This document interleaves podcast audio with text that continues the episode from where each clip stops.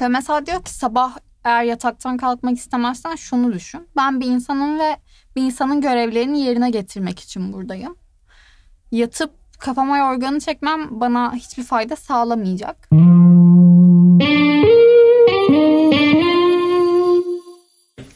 Herkese yeniden merhaba. Benim Loren'in yeni bölümüne hoş geldiniz. Başlamadan biraz geçen haftaki dönüşler hakkında konuşmak istiyorum. Ya tanıtımı kaydederken demiştim ki hani biraz heyecanımı atmış olayım falan ama geri dönüşler beni çok daha fazla heyecanlandırdı. Şu an ortaya bir şey koyacak olmak baya baya arttırdı hatta heyecanımı. Bu arada bir haftada geç bir bölüm yayınlamış oluyorum şu an ama geçen hafta sınav haftamdı. Çokça da yoğundu ve içime sinmeyen bir şeyi sizinle paylaşmak istemedim. Bu haftaki konum Stoa. Peki neden Stoa? Şöyle farklı düşüncelere sahip insanları bir araya kolayca getirebildiğini düşünüyorum Stoa'nın. Ya örneğin benim annem enerji olaylarına falan inanıyor. Benim hiç alakam olmayan bir mevzu ya da örnek verebileceğim farklı tanıdıklarım da var. Yani düşünce yapım arasında hiçbir benzerlik olmamasına rağmen Stoa'da ortak paydalarda buluşabiliyoruz ya da ikimiz de bir takım şeyleri mantıklı buluyoruz. Ve benim hayatımı çokça kolaylaştıran, okuduğum şeyleri mantıklı bulduğum ve etkilendiğim bir şey de oldu Stoa. Hep söylerim hani geçtiğimiz bir iki sene benim kendi gelişimimi, daha mantıklı ve daha olgun bir insan oluşumu en çok hissettiğim, en çok gözlemlediğim zaman değil miydi? Bu süreçte Stoa'nın payını da inkar edemeyiz. Çünkü bir şeyleri okumak ve anlamlandırmak epey değişikliğe sebep oluyor. Bunları söyledikten sonra artık bölüme başlamak istiyorum. Biraz tarihinden bahsedeceğim. Şöyle başlıyor olay. Kıbrıslı Zenon diye bir adam var. Milattan önce 300'lerde Atina'da yaşayan bir deniz tüccarı. Yani normal bir deniz tüccarı hayatı sürüyor adam. Farklı ülkelere mal götürüyor, getiriyor vesaire. Bunun dışında hakkında bir bilgimiz yok o döneme ait. Sonrasında bir gün bir kaza geçiriyor ve artık ticaret hayatına devam edemeyecek bir durumda. Bu sefer de yaşadığı yerin Atina'nın sokaklarında gezmeye başlıyor artık. Gel zaman git zaman bir kitapçıda çok fazla vakit geçirmeye başlıyor. Vakit geçirdiği kitapçıda Sokrates'in kitaplarıyla tanışıyor. Ve bir de şöyle bir durum var ki yaşadığı olayı, yaşadığı acıyı anlamlandırmaya çalışıyor. Evet üzgün bir yandan ama anlam veremediği bir şey bu onun hayatında ve bir arayış içinde aslında. Yaptığı okumalar sonucu, yaptığı kitapçının ziyaretleri sonucu Sokrates'e artık büyük bir hayranlık duymaya başlıyor. Ve bir noktadan sonra artık felsefeye atılıyor.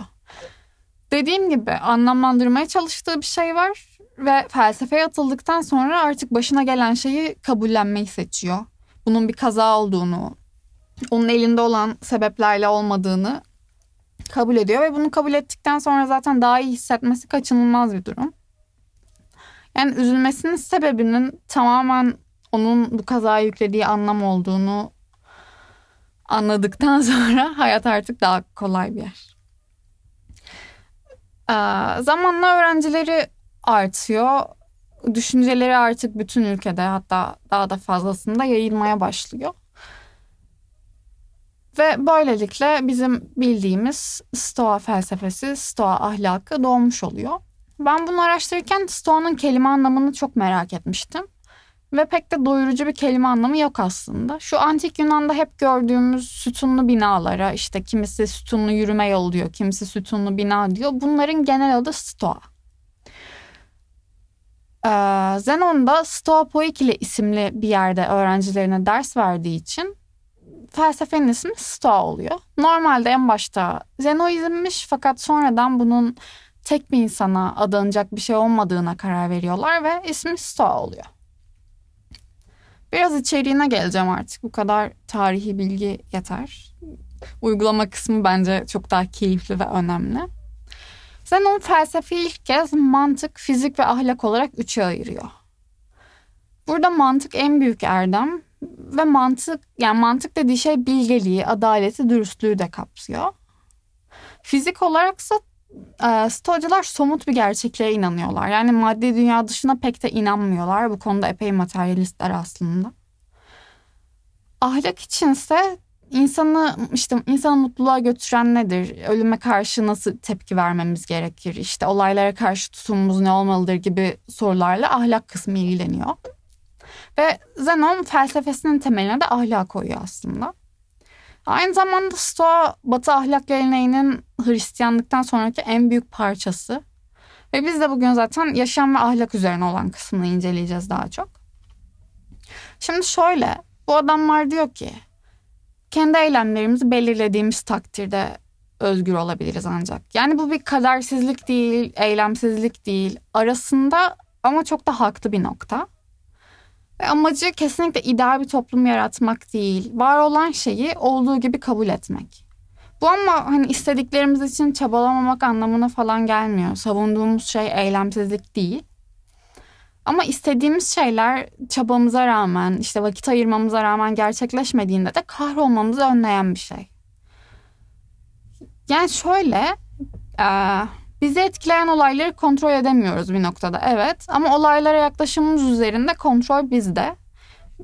Ben bunu biraz garipsemiştim çünkü kadercilik deseniz değil, eylemsizlik değil ne bu? Bunu atareksiya olarak nitelendiriyorlarmış. Bu elinden geleni yapıp gerisini e, salma mı diyeyim artık ne diyeyim. Bu olaya atareksiya deniyormuş. Biraz İslam'daki tevekküle benziyor. Bu da böyle bir şey. Bir de şöyle bir şey var. Ee, parayı reddediyorlar, devleti, ırkları, milletleri reddediyorlar. İşte bu sınırları reddediyoruz, kozmos vatandaşı falan gibi kavramlarda var bunlarda. Ama mesela devleti reddediyorlar ama Seneca bilinen, adı duyulan bir stoacı. Ama aynı zamanda devletin hizmetinde çalışmış uzun yıllar boyu. Burası biraz karmaşık ama bunu anlatmayacağım. Dinledim ama gerçekten hiç gerek yok.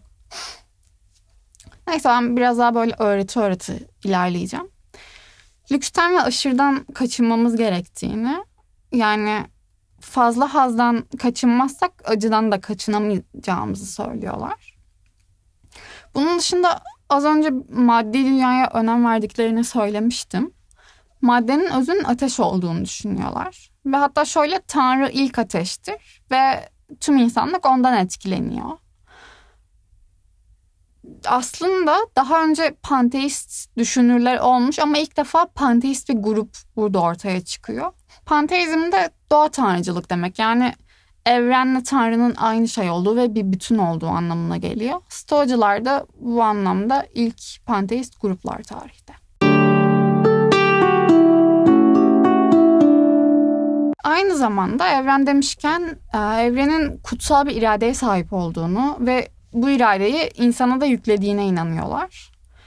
Bu yüzden zaten insan aklı ve iradesiyle diğer canlılardan ayrılıyor ve bu özellikleri de onu tanrısal yapıyor ama tanrısal olan şey özellikler hani insanın kendisi değil. Genel olarak keşkeye asla yer vermiyorlar. Ee, önem verdikleri en büyük şeylerden biri ruhsal dinginlik.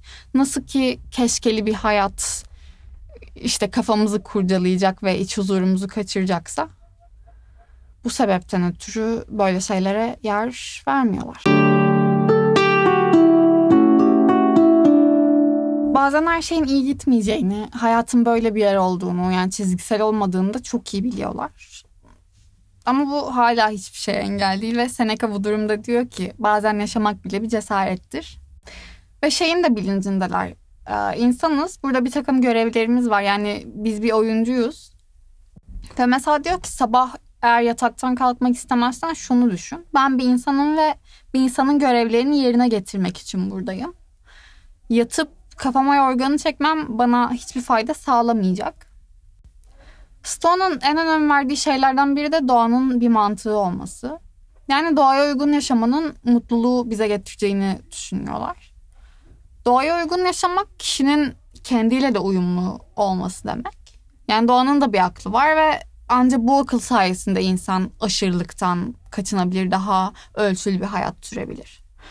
Mutluluğa çok önem veriyorlar. Hani bu kadar aslında sal modunda olan insanların bu kadar mutluluğa önem vermesi de birazcık garip. Ama şöyle ki mutluluğu dış etkenler hiçbir şekilde bağlamıyorlar. Mutluluk tamamen senin içinde, sana bağlı. Yani eğer iç huzurun yerindeyse hürsen neden mutlu olmayasın ki yani? Hatta Marcus Aurelius, Aurelius demek bana çok zor geliyor. O yüzden bu kişi bizim için artık Marcus adam. Bu Marcus adam diyor ki kendi mutluluğunuz sadece kendinize bağlıdır. Yani eğer elinde olmayan durumları arzulamazsan her şeyin olması hani evet böyle her şey olması gerektiği gibi oldu.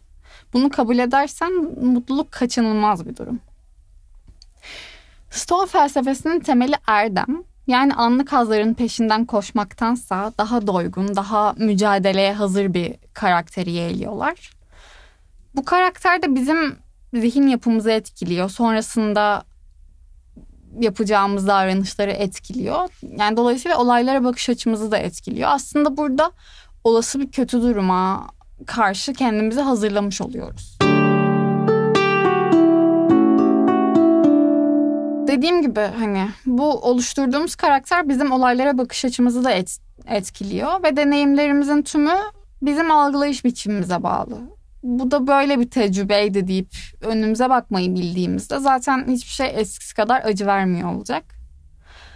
Epiktetos da bu konuda diyor ki ızdırap yaşamdaki olaylardan değil onları değerlendirme biçimimizden ortaya çıkar. Bu arada Epiktetos'un şöyle bir hikayesi var.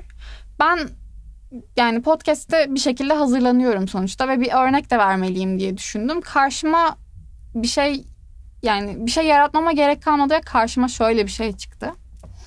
Epiktetos aslında Epiktetos'un ismi Epiktetos değil. Epiktetos satın alınmış demek ve biz gerçek ismini bilmiyoruz. Epiktetos birinin kölesi ee, ve çok da tepkisiz biri. Yaşadığı şeylere karşı tepki vermiyor ve sahibi de bunu biliyor. Bir gün diyor ki ne yani ben senin bacağını kırsam da sen tepki vermeyecek misin? Sonra böyle e, deneyelim o zaman tarzı bir şey oluşuyor. Tarzı bir ortam oluşuyor. Epiktetos sadece diyor ki yapma kıracaksın ve bu şekilde bacak kırılıyor Epiktetos'un. Sonrasında artık tabii sahibinin istediği işleri yerine getirememeye başlıyor vesaire. Ee, bu şekilde de artık sahibi onu özgür bırakıyor çünkü onun işine yaramıyor. Artık kırık bacaklı ve özgür bir adam. Ya aslında dışarıdan baksan üzülürsün dersin ki işte köle, bacağı kırık vesaire.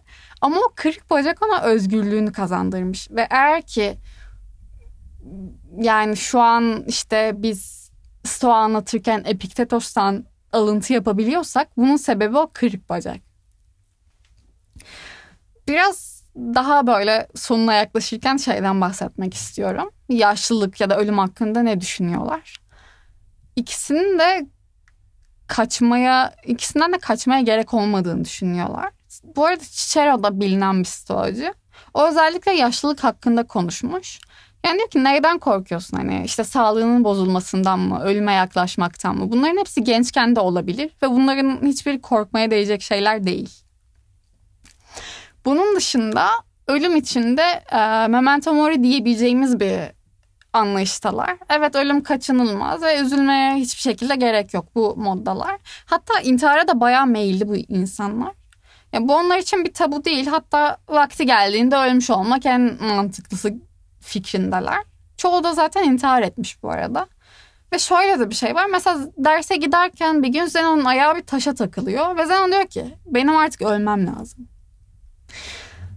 Neyse.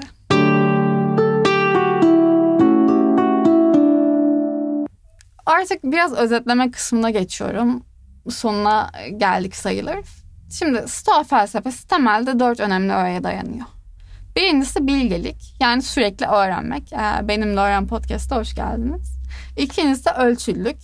Her türlü şeyde aşırılıktan kaçınmak. İşte çok duygusal tepkilerden kaçınmak, e, sakin kalmak vesaire ne derseniz deyin. Üçüncüsü adalet.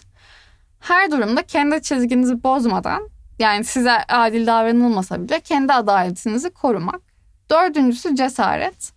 Karşımıza çıkan sorunun ya da olayın büyüklüğü fark etmeksizin cesaretle aynı cesaretle bu işe girişmek.